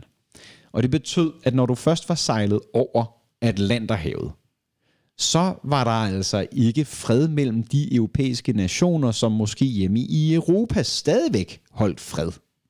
Så var det sådan lidt mere løst med, hvem der angreb hvem, og hvad, hvad man måtte og ikke måtte. Og øh, det er jo det, jeg prøver at, at sådan, øh, lægge lidt op til, at det er sådan en blandt andet et udtryk for en manglende øh, magtkoncentration, en manglende statsdannelse i området, som gør, at magt er meget mere flydende, og at statsmagterne ikke nødvendigvis er i stand til at opretholde deres eget voldsmonopol, så de bliver nødt til at samarbejde med alle mulige andre. Og det er det, der sker, da man etablerer den engelske øh, koloni på Jamaica i midten af 1600-tallet. Det er lige præcis, at man bliver simpelthen nødt til at arbejde sammen med nogen, som er pirater, eller filibuster, eller buccaneers. Man kalder dem lidt forskelligt. Det var en gruppe mennesker, som var den, sådan den tidligste etablerede bosætning af de her nye karibiske øer. De kom mange gange med som det, man kalder servinger, eller altså en form for kontraktslavearbejdere, der solgte deres arbejdskraft for en vis periode, og så fik lovning på for eksempel at få et lille jordstykke eller lignende, eller måske bare få lov til at blive sejlet hjem til England igen. Og altså, man vil vide, at de her øh, servinger, det var altså nogle gange folk, der bare havde været lidt for hårdt i byen og vågner op linket fast på et skib på vej mm. over Atlanterhavet. Altså, det, det var ikke alle sammen, der var helt øh, frivillige, og øh, så blev de altså tvunget til at arbejde i de her plantager, før man gik i gang med den storstilede industrielle import af slavegjorte afrikanere. Men efterfølgende, så var der ikke rigtig nogen plads til de her europæere, der var endt i Karibien. Der var ikke, øh, altså mulighederne var simpelthen ikke særlig gode, og det var også noget, vi var kort inde på sidste år, eller sidste program, at, at den her tro på, at man var kommet til, til, til Asien fyldt med krydderier og så videre, det viste sig ikke at være rigtigt. Det man havde var noget landbrugsjord, og nu kunne man få lov til at dyrke nogle afgrøder, som man kunne tjene penge på, men det krævede altså en masse penge, at starte sådan en produktion. Og det havde de her mennesker ikke. De var jo kommet derover som, som sådan nogle netop kontraktslaver. Så hvad fanden skulle de stille op? En ting, man kunne, det var, at man kunne blive pelsjæger. Og det var ikke øh, kun pelsene, altså skinnene, der var af interesse. Det var også øh, kødet, som man kunne ryge og sælge til de forskellige bosættere og til de skibe, der lagde an og så videre. Pel, pelsjæger fra ja hvilke dyr? Jamen, øh, alle mulige forskellige, blandt andet også europæisk udsatte øh, svin og køer og så videre, som levede i flokke, blandt andet på Haiti. Øh, det var et af de steder, hvor at de her øh, buccaneers, som man kaldte dem, og Buccaneers øh, navnet refererer i virkeligheden til den måde, de grillede kødet på, altså sådan en ryge øh, grillningsproces, øh, hvor man ligesom øh, ja, lavede sådan noget jerky-agtigt, smoked jerky, som kunne holde i længere tid. Og det er virkelig det, som det refererer til. Men de her bander af jæger, som altså var dygtige til at skyde og så videre, nogle gange, så fandt de på at tage en kano og sejle ud og forsøge at fange en lidt større båd. Og nogle af dem, de begynder altså så langsomt at blive egentlige sørøvere. Og det er sådan en, en ting, der sker der i, i løbet af, af 1600-tallet, der opstår nogle af de her bander, og når man så forsøger fra engelsk side at etablere de her nye kolonier uden at have beskyttelse med hjemme fra England af, så er det dem, man bliver nødt til at samarbejde med.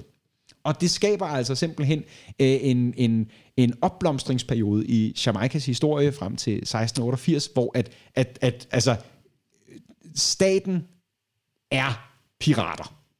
Mm. Simpelthen. Ja. De, de, øh, de lever mere eller mindre af at vende det blinde øje til, at, at Henry Morgan og andre øh, piratledere, de laver ekspeditioner ud og tilfangetager spanske skibe eller angriber spanske byer og tager guld med hjem og så videre. Og så når spanierne kommer og siger, øh, øh, Nå, men det har ikke noget med os at gøre. Altså. Det, øh, det har været sådan et meget specielt system, og sådan lidt netop det, jeg, jeg, jeg synes er lidt skægt, er, at det er jo på nogen måder bliver lidt en grundtone i Jamaikas historie, det her med, at statsmagten ikke rigtig er i stand til at opretholde et voldsmonopol, ikke engang på eget territorium.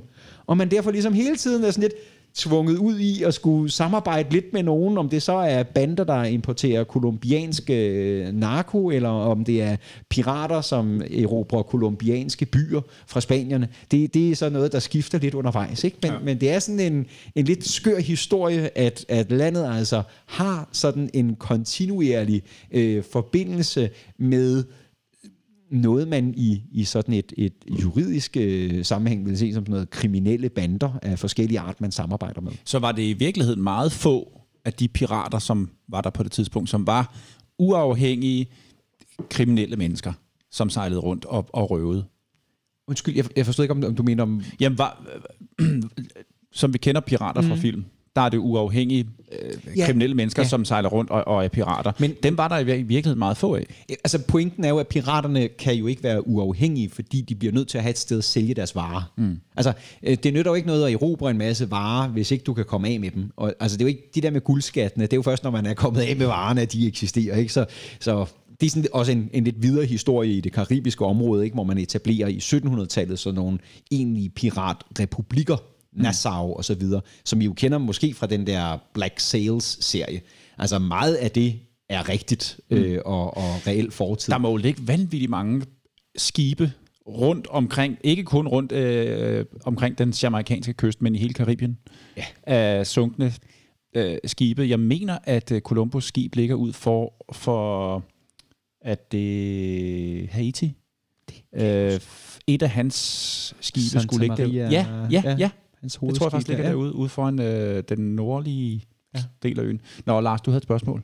Øh, du har nok glemt det igen nu. Ja, jeg har nok glemt det igen. Jamen, det var det, du har været lidt inde på det, det der med, at, at man kan bruge dem der i øh, krig mod de andre stater, så bruger man de der pirater, fordi de er gode til at skyde og vant til at være voldelige og, og røve og sådan noget, Ja. og så bruger man dem jo bare som, øh, som en slags soldater også, ikke? Altså Ja. på den måde der. Ja. Det er simpelthen ja, en form ja. for legetropper, Ja, og, og det, ja. eftersom at man ikke har adgang til andre, så er det altså i nogle tilfælde de engelske guvernørers eneste forsvar, det er at være venner med de der pirater, ja. som man giver lov til at handle i, i Port Royal, som det jo hed. Altså det er jo sådan en... Øh, det, er, jo- det er jo sådan en, en, også en ret sjov øh, historie, det der med, at det er jo ikke bare et tilfældigt øh, nogen, der bare sejler afsted, og så angriber de lige. De etablerer jo en, en egentlig kultur omkring det, og man har fra, fra altså, den vigtigste kilde, man har til, til, til piraterne i Jamaica, der i midten, slutningen af 1600-tallet, det er en, der hedder Exquemelin, øh, Øh, som har lavet en bog, hvor han altså beskriver deres interne forhold også. Han sejler rundt som skibslæge, eller bartskær, som det hedder på det tidspunkt. Det er jo en barber, som er i stand til at skære i mennesker. Han kan ligesom noget med en kniv, ikke? Det er før, at øh, medicinuddannelsen, den øh, inkluderer egentlig øh, menneskekrop. Det er jo sådan en lidt anden tid dengang. Men han sejler altså rundt og, og hjælper med at amputere arme og ben og øjne og alt muligt andet skægt. og så skriver han øh, efterfølgende tilbage i Europa en helt fantastisk beretning, som... Øh, måske nok er, er lidt pyntet og fordrejet på nogle områder, men som i hvert fald giver et indtryk i den her kultur, hvor at man altså har fuldkommen faste systemer for, hvor meget kompenseres man, hvis man mister en arm, hvor meget kompenseres man, hvis man mister et ben, og så videre, og så videre.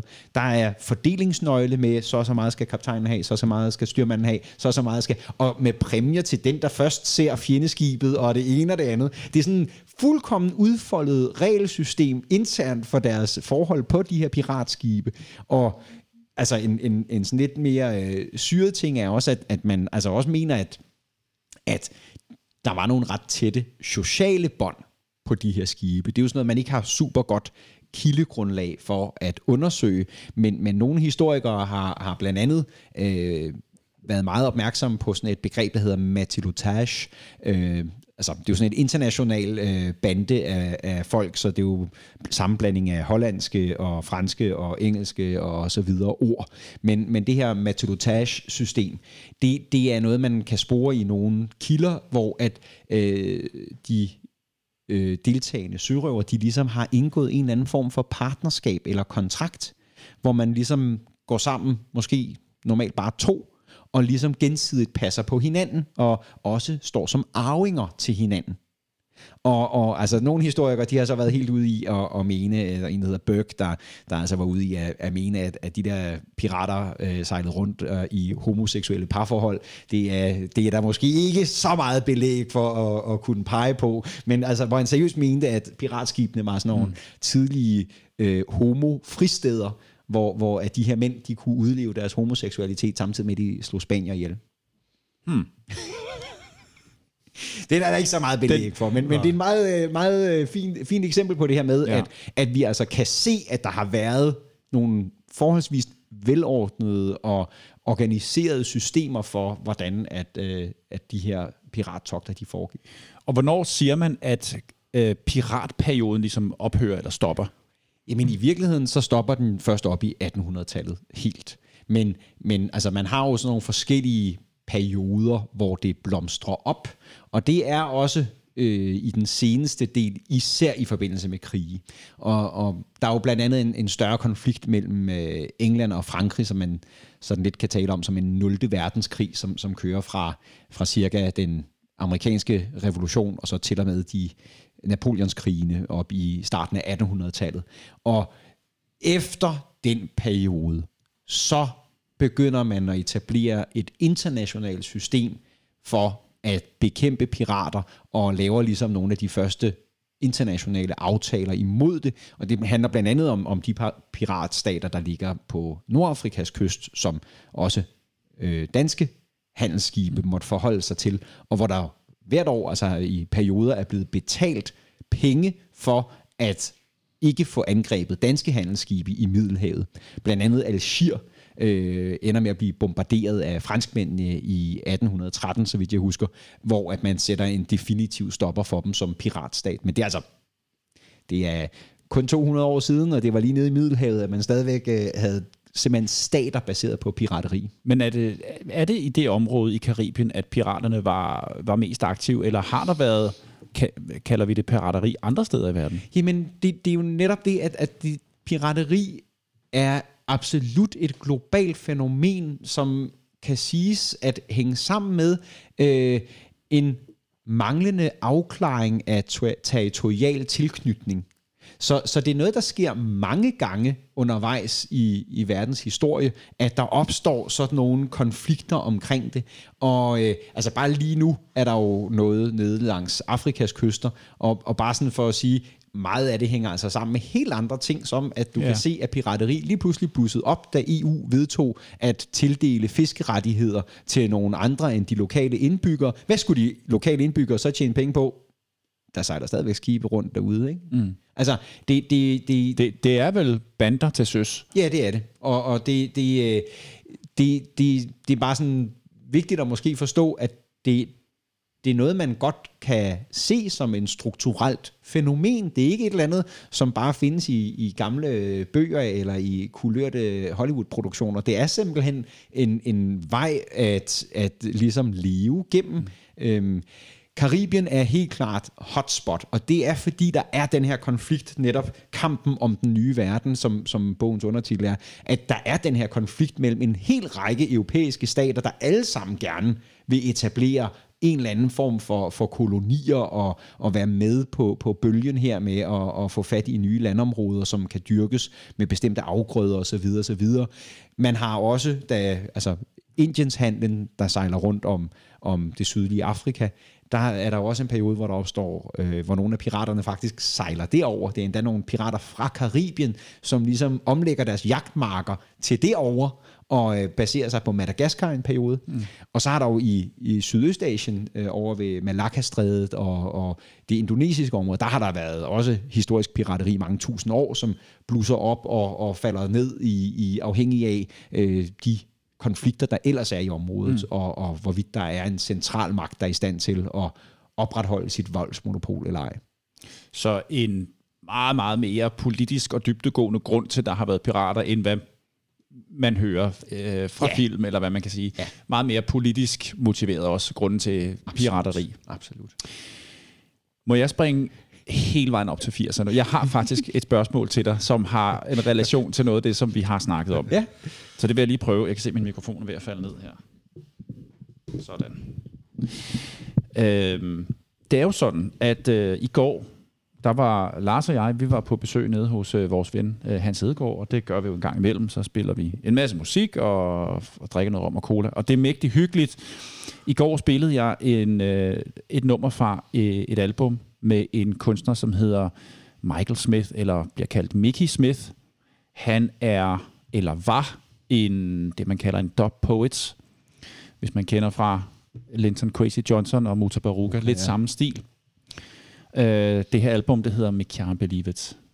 Helt fantastisk album, Lars. Det var vist nok uh, indspillet af engelske musikere. Det er rigtigt, ja. Det talte vi i hvert fald lidt om. Ja, Dennis Bovell og ja. Tromsland fra Aswad, og nogle af de der, som også spiller i Aswad Horn Section. Ja, øh, Horn Section hedder det. Horn Section, ja. ja. øh, ja. Øh, som også spiller med Linton Quincy Johnson netop. Ja, ja. Super, super god. Hvis jeg må have lov til at anbefale et album, så skal man virkelig, virkelig høre det med Can't Believe It. Men det, jeg vil spørge dig om, det er, øh, så var jeg inde og læse på ham her, Mickey Smith. Og øh, der står, øh, han døde i 1983 af blev skudt af politiske årsager. Og det er jo bare for at, at lige at linke og lave en rød tråd til noget det, vi har snakket om omkring 80'erne, uh, øh, reggae, og de konsekvenser, det kan have, hvis du ytrer din mening. Han blev skudt uh, sandsynligvis, eller det står der i hvert fald på nettet, han blev skudt, fordi han ytrede uh, sin mening til en konservativ politiker. Jeg tror, det var en kulturminister. Uh, nogle dage efter, der blev han skudt. Det er jo alvorlige konsekvenser for at ytre sin mening.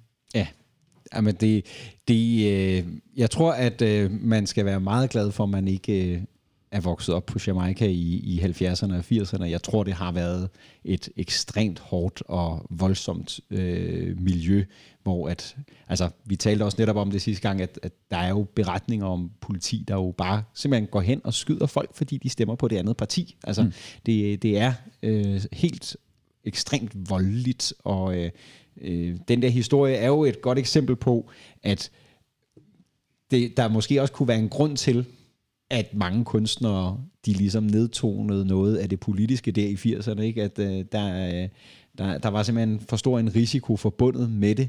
Og en helt anden ting, som vi ikke rigtig har været inde på, er jo også, at der er jo rigtig, rigtig, rigtig, rigtig mange, der stikker af fra Jamaica. Rigtig mange kunstnere. Altså, af frygt for Ja, ja, ja. Det, Repressalier. Det, altså allerede i løbet af 70'erne begynder den tendens, ikke? At, at der er mange, der, der flytter til New York, altså Chin og alle mulige andre, ikke? Mm. Jeg mener også, at øh, jeg mener også, at jeg engang læste noget med, at Max Romeo netop også, han er jo sådan meget, meget, meget aktiv politisk der i 70'erne. Han også på et tidspunkt øh, får at vide, at nu skal han vist nok lige ud af landet. Mm. Og så også lige må tage et par år ud af landet. Øh, ligesom Bob jo også. Ja, gøre det gjorde han videre, jo ikke? også. Så, Tog til England. Det, det, er, øh, det er jo en del af, af det her voldsregime, der var. Ja. Det er utrolig spændende, når du øh, folder dig ud, Christian, og snakker historie, og øh, vi kunne blive ved, og vi kunne blive ved, og, øh, og jeg synes, vi skal blive ved. Vi finder en ny vinkel på et andet tidspunkt. Det gør Skal vi ikke gøre det? Jo, det gør vi. Uh, I Vi dag, kan, tage, vi kan tage England og Ja. Englands historie gennem dopmusik. der er masser, Det, helt fra Skinhead og øh, Scar og ja. hele vejen op. det Brig- Brixton. kunne vi sagtens. Ja.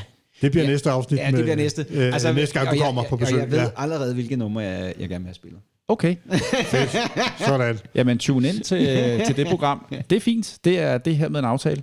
Det er godt. Øh, vi snakkede om i introen, at ikke introen, men i starten af interviewet her, i dag er det Bob Marleys fødselsdag. Han fylder, ville have fyldt 77 år. Du skal ind og fejre det i dag. Jeg skal simpelthen ind og fejre det. Ja.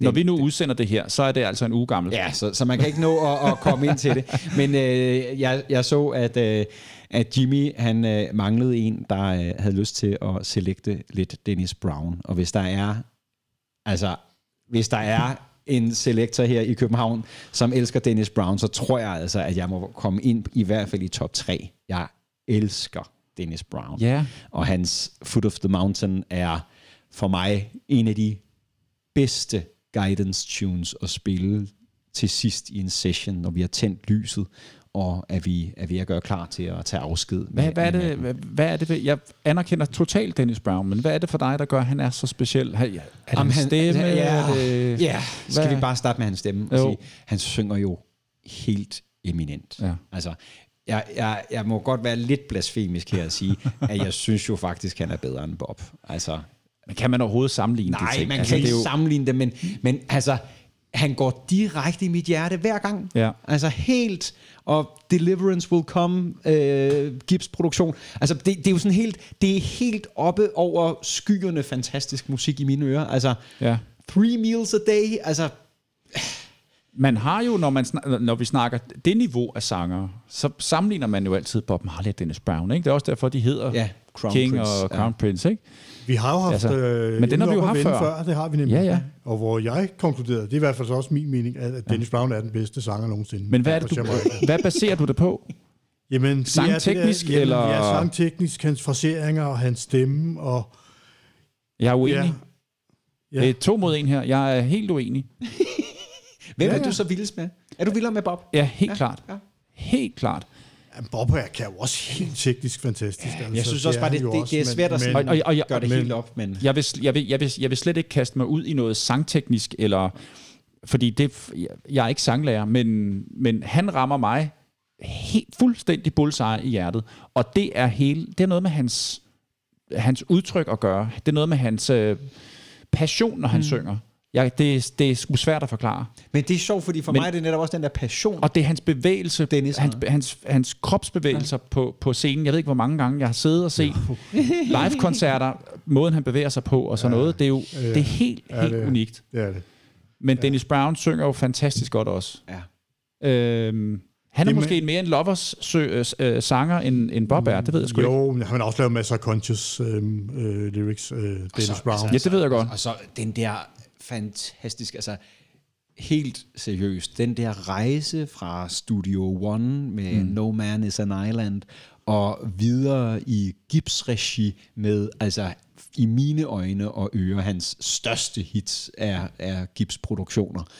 Men så fortsætter han videre på Taxi, og har jo så samtidig lige stiftet sit eget label, som også bare udgiver både hans egen, men også andres musik, som er altså helt oppe i guldligaen. Det hele. Altså, jeg, jeg har simpelthen... Men, uh, huh, han, han, han der er mig så glad. Der er jo mange fantastiske sangere. Ja, ja, ja. Altså, hvis vi nu tager den periode, hvor de var aktive, ikke? John Holt, for Ja, eksempel, ja, er ja. jeg også helt vild med. Ja. Jeg sætter lige vandet her.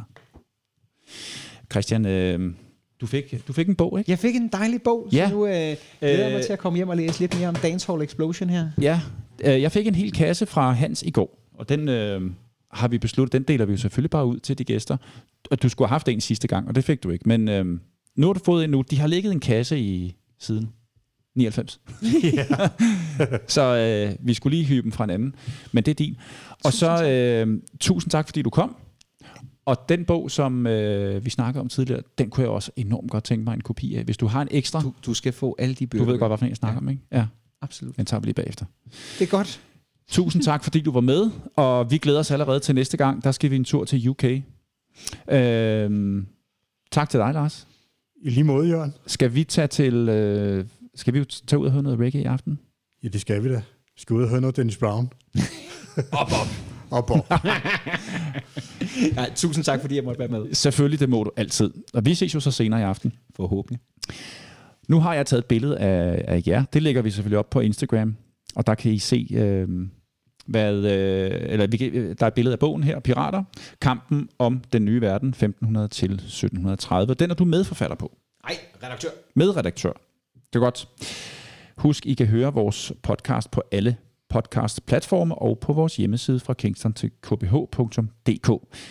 Tak for nu. Tak til alle jer, der lytter med. Og øh, husk at hoppe ind på iTunes og give os et, øh, et like, en kommentar, en rating. Det vil vi rigtig gerne have. Vi høres ved i næste afsnit af Fra Kingston til København på genhør. Og husk, at Bob Marley skal ud til folket.